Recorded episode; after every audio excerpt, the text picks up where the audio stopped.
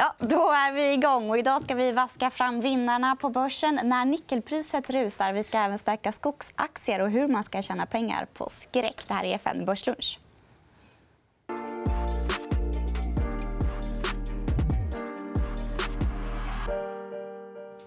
Ja, det är tisdagen den 3 september. Och Stockholmsbörsen har handlats kring nollan här under morgonen men vände precis upp innan programmet. Och en förlorare idag är Sectra som släpper dålig rapport och eh, faller nästan 18% Martin Nilsson, varmt välkommen till studion. Vad har du att säga om Sectra? Eh, nej, men Sectra har haft en fantastisk utveckling. Aktien har gått enormt bra. Eh, ganska tilltagen värdering. Kommer med en rapport där, där vinsten är ner, eller rörelseresultatet är ner 20 year over year. Man skyller på att man har mycket utrullning just nu vilket gör att konsultkostnaderna, personalkostnaderna vilket det gör i det bolaget. så Det kan mycket väl komma tillbaka. Det enda orosmomentet som jag ser det är orderingången som var minus 16% så Det är väl det. Mycket negativa saker. Folk har stora vinster. och Då blir det ganska stora rörelser på nedsidan. Så motiverat fall med andra ord. Ja, det tycker jag. absolut. Och konsulter ska vi faktiskt prata om lite längre fram i programmet. Men vi ska prata om nickel först. Och det är eh, några... Vi har sett nickelrörelser här. Varför har vi gjort det? Ja, det beror inte på eh, så jättemycket på att efterfrågan eh, på det som går in, då, så nickel är input i, ser så mycket bättre ut. Utan det är framför allt drivet av minskat utbud från en av de stora exportörerna, Indonesien. Det har funnits rykte om det här tidigare, så nickelpriset har rört sig redan innan på den här nyheten. Men eh, var upp eh, 9% i fredags och upp 3% igår. Så ganska kraftiga rörelser. Ehm, folk blir nervösa i marknaden när det här sker. Ehm, och Eh, det är ganska intressant det som, det som händer. Därför att Indonesien vill bygga upp sin egen eh, industri. De vill bli exportör av förädlade och inte exportera malm. Så de vill alltså inte bara exportera råvara nickel, Nej, utan de vill exakt. förädla i sitt land? Ja, precis. Vilket är ganska naturligt. Eh, kan man förstå. Och egentligen så hade de annonserat att de skulle införa såna här förbud eller exportförbud. Men det skulle komma i 2022. Och nu kommer det redan nu vilket gör att marknaden blir väldigt nervös. Eh, och folk ser ett underskott på nickel, vilket är intressant. Och känner jag dig rätt så har du förstås hittat eh, några bolag som kan gynnas positivt av det här. Så är det alltid. Eh, vinnarna på, på, på det här nickelrallyt... Eh, priset har gått över 18 000 dollar per ton. Eh, det är framför allt Lundin Mining som har ungefär 10% av sin exponering där. Eh, har en nickelgruva bland annat i USA. Eh, Boliden köpte en gruva. Då står priset i under halva nivån vad vi har just nu. Det står väl under 9 000 tror jag, när man köpte det. Så onekligen ett väldigt bra förvärv. Man köpte det i Finland av ett om jag inte missminner mig, kanadensiskt bolag som hade finansiella problem. Så man fick det till ett väldigt attraktivt pris. Finska gruvan, då? Ja, ja det, det är mer... Eh, de producerar ju rostfritt stål. Ehm, och, eh, tidigare, eh, när vi hade såna här eh, oroligheter i marknaden om man går tillbaka till 2015... Och här ser vi kursen på, på Outokumpu, som onekligen har varit ganska volatil.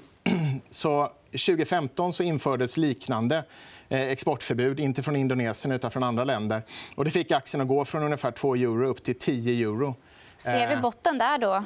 Ja, fast det är inte det, det, är inte samma industri. därför att Det har kommit väldigt mycket ny kapacitet, bland annat från Indonesien i, i Asien. Eh, de är fortfarande vinnare på det, men, men det är inte alls ett lika solklart läge. Plus att eh, vid den tidpunkten när aktien började gå så var så folk lite mer positivt på konjunkturen än vad man gör just nu. Men Lundin och Boliden kan alltså gynnas av det här? Då? Ja, det gör de absolut. De gynnas direkt av det. Och vi har förstås en förlorare också, eller några förlorare kanske. Förlorarna är ju vi. Det är... är det konsumenterna? Det är konsumenterna. Eh, du kommer se det kanske lite längre fram om du ska köpa ett kylskåp eller en ny eh, eh, diskmaskin eh, som har rostfritt stål. Så Electrolux kanske ja. är en av förlorarna på det här? Då? Absolut. Vi ska röra oss vidare. Och vi ska prata lite skog.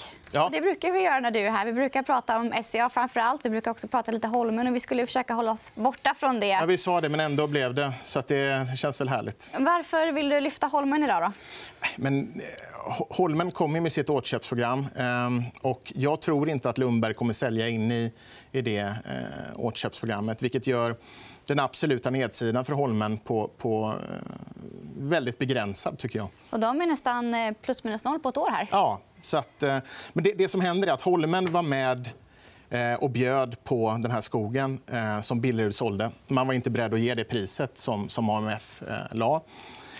Utan istället så väljer man att köpa tillbaka sin egen skog till halva värdet mot vad marknadsvärdet är. Och det tror jag är en, en väldigt smart affär över tid. Och återköpsprogrammet, då, vad tror du vi kommer få se för effekter framöver? En begränsad nedsida i aktien och en ganska god uppsida. Den är inte illikvid, aktien, men den är absolut inte likvid heller. Så att det, ja, jag tror att det är, det är smart och jag tror att det, det är kanon absolut case. Andra röster i Börslunch har sagt att man kanske ska avvakta lite. Tycker du man ska göra det? Nej, man ska väl alltid köpa innan återköpsprogrammet börjar. Sen tror jag att Holmen är smarta. De kommer att använda orolighet i marknaden när det är liksom lite tryck på aktien neråt. Och använda det. Så allting handlar om värdering för dem också. Men... Eh, och det finns ju ett hållbarhetscase här som vi ofta lyfter i programmet. Men du tycker att eh, utländska investerare missar det här. Varför varför missar de ett sånt här briljant case? Då? Jag frågar både Holman och SCA om det är mycket internationella hållbarhetsinvesterare som är i kontakt med dem. De säger att det är nästan ingenting. Det är konstigt, för alla letar efter ESG-case. Ja, men vi ser ju det det är. Men om man tittar på de här ratinginstituten som finns där ute så räknar de egentligen bara med koldioxidutsläppen på, på industrinäringen. Och då ser eh, SCA och Holmen ut som, som miljöbovar. Det man glömmer bort då är vad skogen binder. Så tittar man till exempel på, på SCA så förbrukar industrinäringen 900, 900 000 ton koldioxid per år. och Skogen binder 4 miljoner. Så de är netto binder om man säger så, av, av koldioxid. Men ett sånt ratinginstitut för närvarande tittar bara på industridelen och glömmer bort skogen, vilket är helt galet. När de ändrar sin redovisning av det här och internationella investerare får upp ögon för det här så kommer det här bli ett klockrent hållbarhetscase även utanför nordiska investerare. Nu kommer stora fonder flöda in. kanske. Ja, förhoppningsvis. Eh, vi ska ta ett steg tillbaka och ta ett större grepp om marknaden. Mm. Vi har ju Brexit, vi har handelskrig och det råder eh, såklart eh, en del skräck på marknaden. Mm. Hur agerar du i det här läget? Jag tycker man ska vara försiktig. Man får vara ödmjuk också inför att vi har haft flera år av väldigt stark börs. Eh, och det är väldigt oroligt just nu. Men tittar man på alla de här indikatorerna så är folk livrädda. Eh, och det är oftast ett väldigt bra indikator på när någonting eh, ska vända. Och tittar man på de här skräckindex så, så, så är det lite eh, på, på extremnivåer. Titta bland annat på en Merrill Lynch-studie nu. Liksom. De har en eh, bull to bear index. Och det var 1,3 eh, på en 10-gradig skala. Alltså folk är extremt pessimistiska. Och när man har såna avläsningar så brukar det följas av ganska bra börs. Men det ligger väl någonting i det ändå? Vi har sett inverterade ja. yieldkurvor. Vi eh, ser eh, många indikatorer som visar på avmattning. Ja, det är klart. Alltså, hela räntemarknaden skickar en, en signal om att att det är en avmattning. och Det ser vi också i bolagen redan under första kvartalet men också nu under andra kvartalet. att Det är en mm. uppenbar avmattning. Och här ser vi ju att, eh, som du, som du precis nämnde, att vi har en extrem rädsla. Men du är ju fondförvaltare, så du måste ju hitta case i alla lägen. Ja, så är det. Och du brukar ju leta efter strukturell, eh, strukturella trender när du ja. letar case. Ja. Och du har en annan trend som du vill dela med dig om. Ja, alltså det, det är ingen... Eh, trend och trend. Ja, men det är ingen trend och det är ingen hjärnkirurgi på det sättet. Men jag tror det väldigt... behöver inte alltid vara, eller hur? Det behöver absolut inte vara. Men jag tror väldigt mycket på infrastruktur. Eh, och det är under en väldigt lång horisont.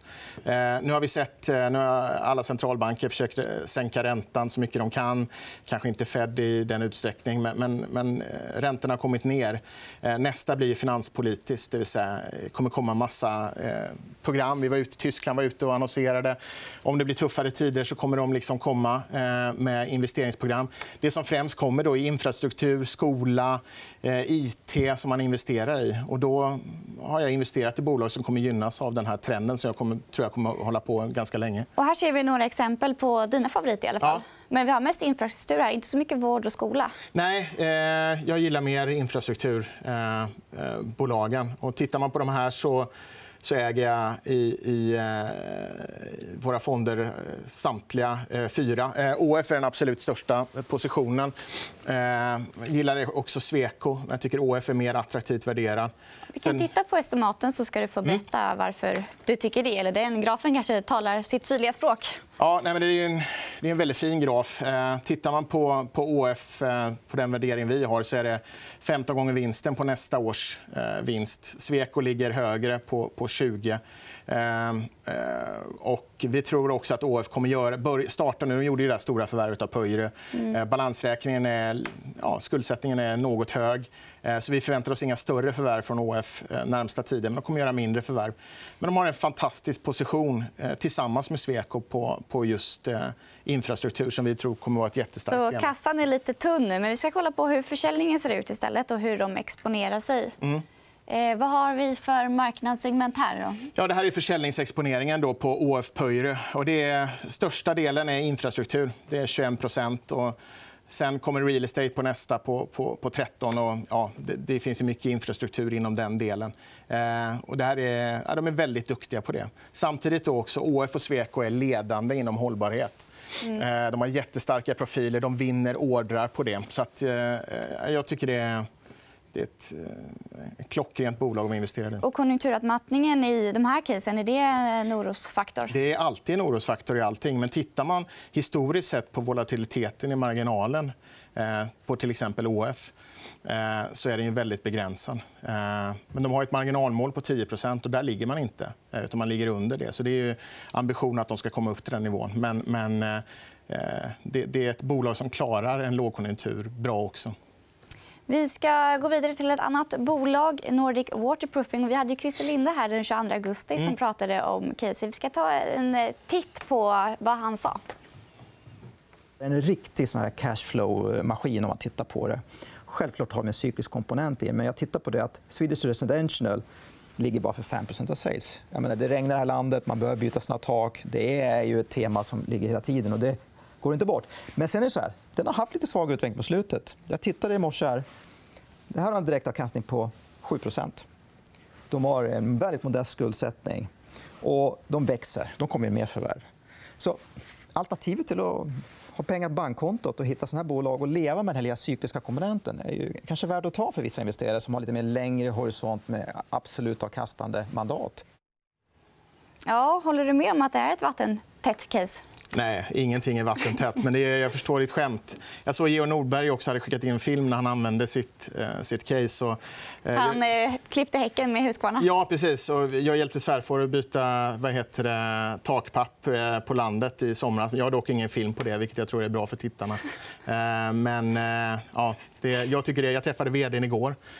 Eh, och jag tycker det är ett klockrent case. De växer organiskt, eh, de växer via förvärv, urstarkt kassaflöde, fin direktavkastning, precis som Christer är inne på. Men han sa 7% och du har räknat på 5 eller hur? Jo, men han är på säljsidan. Ja, han lite är, mer positiv. Han är lite mer positiv. Det ingår i DNA. Men vi kan väl kolla på deras tillväxtprofil.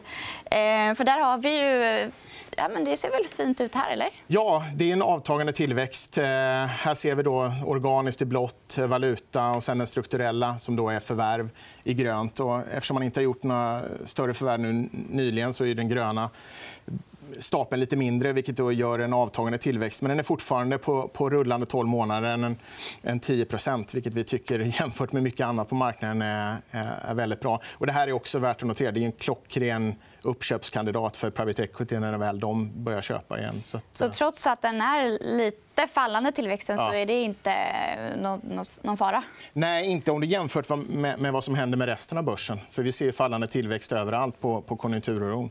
Men det här är ett bolag där, där du har ett P-tal när vi räknar på det under tio gånger, vilket vi ser som mycket Eh, attraktivt. Och slutligen, vad ser vi här? då?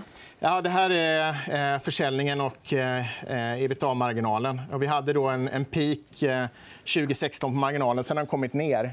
Den kommer ligga någonstans där runt 10% Anledningen att den var så hög där också var också till viss del på det kraftiga oljeprisfallet som är en del av inputen till deras industriella process. Så att, nej, ett, ett väldigt bra case. Som ni ser här på den här bilden så är det fokus på renovering, vilket är det bästa. Det var det jag gjorde i sommar. Eh, och, eh, de har en väldigt... Om man tittar på marknaden just nu så är den största marknaden Danmark där de har 26% exponering. Och Danmark går jättebra, medan Sverige är ja, lite tuffare. Och jag har inga glasögon här, så jag ser inte riktigt. Men eh, hur ser det ut i resten av världen? Då? Tror du de kommer att etablera sig mer där? Ja, fast jag tror att de kommer göra det försiktigt. Ehm, det, här är en lokal... och det är väl deras grej också. De tar små steg, även i förvärven. Också. Ja, och det är väl det som är det bästa. Inga större grejer. utan De, de kommer eh, äta sig in på den europeiska kakan också. Men de kommer göra det försiktigt så de inte tar upp risken för mycket. Och det är precis en, en sån strategi vi vill ha. Mm. Tack så mycket. Hoppas att eh, ni tittare har fått många case. Jag har i alla fall fått eh, många idéer. Imorgon så ska vi eh, prata mer aktier, men då ska vi gå in på banksidan och prata om banksektorn. Så följ med då. Gästar oss gör Mats Liljedahl och Jonas Olavi. Tack så mycket.